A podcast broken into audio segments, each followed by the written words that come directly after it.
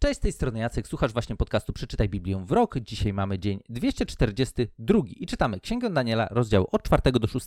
Gdybyście chcieli dowiedzieć się więcej na temat tego podcastu, wejdźcie na stronę bibliawrok.pl. Jedna jeszcze, zanim przejdziemy do naszej dzisiejszej historii z technicznych rzeczy związanych z Księgą Daniela, na którą właśnie być może zwróciliście uwagę, albo w sumie mogliście nie zwrócić na to uwagę, bo mogliście o tym zwyczajnie nie wiedzieć. Z Księgą Daniela numer jest taki, że w zależności od tego, czy korzystacie z przekładu katolickiego czy jakiegoś protestanckiego, może zdarzyć się tak, że zwyczajnie te teksty nie do końca są ze sobą spójne. I teraz nie jest, że są ze sobą niespójne na zasadzie, że są jakieś tam, nie kompletnie inne, tylko zwyczajnie w tłumaczeniach katolickich w Księdze Daniela mamy również trochę więcej tekstu niż to jest w tłumaczeniach protestanckich. I teraz, mówiąc tłumaczenie protestanckie, to też w sumie odnoszę się do rzeczywistości Biblii, którą my znamy, bo tłumaczenia protestanckie, co by nie było, korzystają z tekstu hebrajskiego, tak jak on jest przyjęty w kanonie hebrajskim, więc mają tą wersję, z której korzystali by Żydzi. Korzystali wtedy, korzystają też dzisiaj. Niemniej jednak, o czym też już wspominałem przy, nie, przy okazji niektórych odcinków, jeśli chodzi o Stary Testament w Bibliach katolickich, no to mamy tam też trochę więcej tekstu. Mianowicie mamy kilka ksiąg, których na przykład w ogóle Żydzi w swoim kanonie nie mają i konsekwentnie w wersjach protestanckich też ich nie będziemy mieć, jako że te też korzystają z tekstu takiego, jak, z jakiego korzysta nam, czy przedstawia nam kanon żydowski. I tutaj Księga Daniela jest właśnie jedną z takich ksiąg, gdzie, no właśnie, mamy kilka dopisków, bo wspomniałem też o tym, że mam 12 rozdziałów. No i właśnie, ktoś z Was mógł spojrzeć na Księgę Daniela i powiedzieć, mm, stary, ja mam tam 14. I teraz, ja mówiąc o 12 rozdziałach, odnosiłem się do tego, o czym też już wspomniałem w poprzednim odcinku i wspominałem przez cały ten podcast co jakiś czas, że Biblię czytamy w takiej wersji, która jest zgodna dla wszystkich. Czyli w zasadzie wszyscy zgodzą się na ten tekst, że mamy tekst, Stary Testament mamy w wersji hebrajskiej, plus, tak jak też mówiłem i zresztą zachęcałem do tego, żeby dodatkowo doczytać sobie księgi, które są dołożone w wersji katolickiej, które właśnie ja akurat tutaj mam, nawet teraz przed sobą, z oficjalnej wydawniczej Vocatio, e, takie tłumaczenie, które e, nazywa się Biblia pierwszego kościoła. To jest w ogóle bardzo fajna rzecz, o tyle e, jest to tłumaczenie z Septuaginty i dlatego też właśnie mamy tutaj e, abstrahując od tego, że jak najbardziej mamy tutaj e, tłumaczenie z imprimatu i w ogóle, wiecie, pełna profeska, wszystko jest jak należy, e, to mamy tutaj też te dodatkowe księgi, których właśnie w takiej Biblii żydowskiej byśmy nie znaleźli, co wynika z tego właśnie, że jest to tłumaczenie Septuaginty. E, I mamy też tutaj właśnie chociażby rozbudowaną księgę Daniela. Fajne w, tej, w tym wydaniu jest to, że te teksty, ty, te wtórno-kanoniczne, one są zaznaczone innym kolorem, więc jak czytamy, to od razu widzimy, aha, dobra, to to jest coś, czego na przykład jakiś protestant by nie miał w swoim tłumaczeniu. I teraz nie są to teksty, te czy w cudzysłowie brakujące, y, które nie wiem, wnoszą nam nie wiadomo co, tym bardziej, że mówię, sam Pan Jezus jako natchnione uznałby księgi, które są w kanonie żydowskim. Nie zmienia to jednak tego, że z dużą dozą, dozą prawdopodobieństwa, i to jeszcze pewnie do tego dojdziemy przy okazji Nowego Testamentu, możemy stwierdzić, że no jak najbardziej te teksty, które tutaj też mamy, chociażby właśnie tu jak mam tą Biblię pierwszego kościoła, e, to były znane Panu Jezusowi, były znane też apostołom czy autorom ksiąg nowotestamentowych. Niemniej jednak możecie zauważyć, że czegoś nam tutaj brakuje, tak jak omawiamy to w tym podcaście. Doczytajcie sobie na spokojnie, między innymi właśnie e, wczoraj w trzecim rozdziale tam mamy taki zresztą mistrzowski naprawdę tekst, którego czytając nawet też z aplikacji YouVersion, z której ja osobiście korzystam, bardzo lubię z niej korzystać, wygodnie mi się zaznacza, komentuje, robi notatki, więc super. No ale tam właśnie też nie mamy na przykład części rozdziału trzeciego, który jest właśnie w tłumaczeniu katolickim i tam mamy opisane, co takiego działo się w tym ognistym piecu kiedy chłopaki były tam wrzu wrzucone. Tam jest, wiecie, yy, ich modlitwa, uwielbienie. Tam jest napra naprawdę świetny tekst. W ogóle zachęcam Was bardzo do tego, jeżeli, jeżeli właśnie korzystacie z, z, tłumaczenia, które nie ma tego tekstu, to warto by było sięgnąć po takie, które też ten tekst ma, żebyście sobie zobaczyli. Wiecie, czy tak było, czy nie było, nie wiem. Mogłoby tak spokojnie być. Mówię, mówimy tu o tekście, który nie jest uznany jako natchniony, został dopisany trochę później i doczepiony do księgi Daniela, niemniej jednak jest bardzo wartościowe, żeby spojrzeć na to, co właśnie z perspektywy późniejszych dopisków pomogło chłopakom poradzić sobie z tą sytuacją, która zagrażała ich życiu. I teraz, później my przeczytamy sobie do rozdziału 12 całą księgę Daniela. Tam dalej jest jeszcze rozdział 13 i 14. Tam pojawia się postać Zuzanny i mamy też jeszcze jeden taki rozdział, y, który już trochę pewnie nam się skojarzy z tą końcówką Daniela, gdzie znowu mamy różne tajemnicze postaci. Tyle, jeśli chodzi o wstęp i też uzupełnienie tego, tej właśnie jednej rzeczy związanej z księgą Daniela, którą można by było niechcący pominąć, albo się zastanowić, ej, dlaczego on mówi, że 12, jak widzę u mnie w Biblii, że jest 14. No te 13 i 14 właśnie z tego wynikają, że zwyczajnie w kanonie żydowskim ich nie ma. Nie są one uznane za natchnione. Zresztą, żeby nie było też księgi wtórno-kanoniczne, to w ogóle nie są uznane za jako tako nikt nie udaje, że one powinny być na tym samym statusie, co ten kanon żydowski, ale też uznano, że są na tyle wartościowe, że powinny znaleźć się w Biblii. Więc tyle, jeśli chodzi o kwestie techniczne tytułem wstępu. Mamy Daniela, rozdział od 4 do 6 i znowu czwarty rozdział. Kolejny sen króla, tym razem król, król już trochę się ogarnął i nie jest taki problematyczny, jak to też był wcześniej, bo, bo ma sen, jest przejęty tym snem, no ale tym razem woła swoich mędrców i, i im ten sen opowiada, no ale chłopaki, co by nie było, nie mają bladego pojęcia o, co chodzi ze snem. Przychodzi Daniel, tłumaczy o co chodzi ze snem. E, no i znowu Daniel jest przedstawiony w wersecie 5 czwartego rozdziału w ten sposób, że w końcu przyszedł do mnie Daniel, zwany Belteszazarem od imienia mojego Boga, człowiek, który przebywa, którym przebywa duch świętych bogów i również jemu opowiedziałem mój sen. No i oczywiście Daniel bez problemu ten sen wyjaśnił, no i tam mamy całą historię króla, który na jakiś tam czas zezwierzęcał. Tu coś mu się wydarzyło i gość zwyczajnie no, nie bardzo mógł być królem, bo zwyczajnie, powiedzmy sobie, ześwirował. W każdym razie, nie chciałbym, żebyśmy dzisiaj skupiali się akurat na tej historii, choć jest bardzo ciekawa i może jeszcze kiedyś będzie okazja do tego, żeby do tego się odnieść. W kolejnym rozdziale mamy już syna króla Nebukadnesara, Belszazar się nam pojawia i też historia, która, którą możecie znać, jeżeli gdzieś tam spotkaliście się z Biblią, czy byliście trochę zainteresowani bardziej Biblią niż taki przeciętny obywatel, e, gdzie mamy ucztę, impreza, wzięto naczynia z, ze świątyni, które zostały zabrane też przy okazji tego pierwszego uprowadzenia, no i wiecie, robią sobie imprezę, jaja sobie robią e, w najlepsze, też wysławiają swoich różnych tam bogów, korzystając przy tym znaczeń, które były poświęcone Bogu Jahwe. No i numer jest taki, że nagle na, e, podczas całej imprezy robi się dosyć nieciekawie, kiedy to nagle pojawia się ręka, zaczyna pisać palcem po ścianie, tam pojawia się kilka słów. I oczywiście wszyscy bladzi, nikt nie wie o co chodzi, na to przychodzi Daniel i po prostu tłumaczy o co tam chodzi, co to jest za tekst, e, co on oznacza.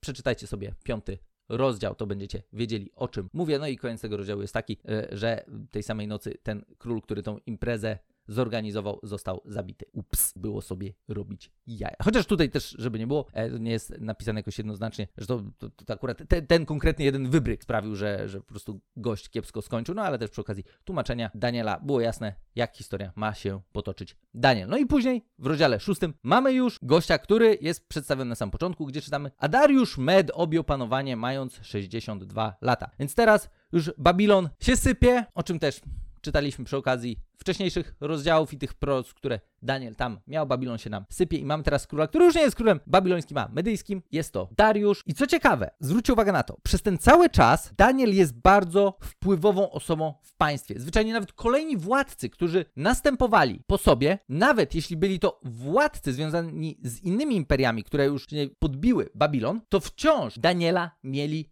blisko siebie. Był on osobą bardzo wpływową również u innych królów. I teraz ci królowie nam się tak pozmieniali, możemy nie zauważyć, ale tak naprawdę jesteśmy kilkadziesiąt lat Daniel. Ta historia, którą tutaj mamy dzisiaj opisaną, liczy się, że Daniel przy okazji tej historii miał może nawet jakieś tam lekko ponad 80 lat, więc mamy już trochę starszego Daniela, który jednak wciąż jest bardzo wierny Bogu, jest bardzo wierny swoim przekonaniom. No i właśnie, kolejna rzecz, która sprawia, że Daniel jest wyjątkowy. Przy okazji tej historii jest taka, że w Biblii nie mamy za dużo ludzi, na których nic nie ma. Wiecie, mieliśmy króla Dawida, miał bardzo poważną wtopę. Mieliśmy, nie wiem, Abrahama, też tam miał swoje różne historie. Mieliśmy masę różnych postaci, które generalnie Mojżesz, też przy okazji, który tam szarpnął się na zabicie Egipcjanina. Jakby, wiecie, absolutna większość, prawie wszyscy bohaterowie Biblii, których dzisiaj szanujemy, którzy są dla nas źródłem ogromnej inspiracji, którzy żyli blisko Boga, są gośćmi, którzy mieli wtopy. I takich ludzi, odnośnie których na których nic nie mamy, jest Daniel właśnie i jeszcze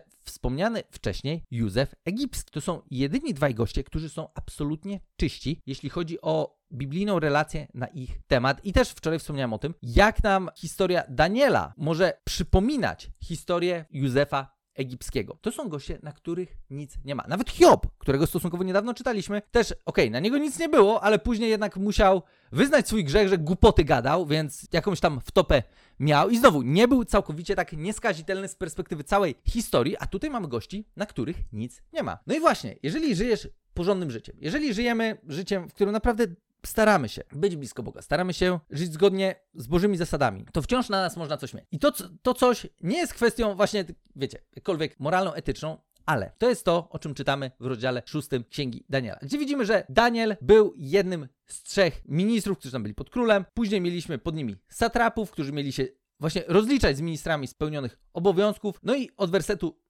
czwartego czytamy, że wkrótce okazało się, że Daniel wyróżniał się na tle pozostałych ministrów i satrapów, ponieważ był w nim nadzwyczajny duch. Król zamierzał nawet powierzyć mu rządy nad całym królestwem. To sprawiało, że ministrowie, satrapowie szukali w sprawach służbowych powodu do skargi przeciw Danielowi, nie mogli jednak znaleźć niczego, co zasługiwałoby na naganę. Daniel okazywał się człowiekiem godnym zaufania, tak, że nie dało się u niego stwierdzić żadnego zaniedbania ani oznak korupcji. Przeciwnicy Daniela doszli więc do wniosku, nie znajdziemy u niego powodu do skargi, chyba że wpadniemy na coś, co łączy się z prawem jego Boga. Ministrowie i satrapowie po wspólnych uzgodnieniach przybyli zatem do króla. Z takim oto pomysłem król Dariusz żyje na wieki, uzgodniliśmy wspólnie ministrowie król, królestwa, namiestnicy, satrapowie, doradcy i zarządcy, że warto by wydać zarządzenie królewskie i pisemny nakaz stanowiący, że każdy, kto w ciągu 30 dni zaniesie jakąkolwiek prośbę do jakiegokolwiek Boga lub człowieka oprócz ciebie królu, zostanie wrzucony do lwiej jamy.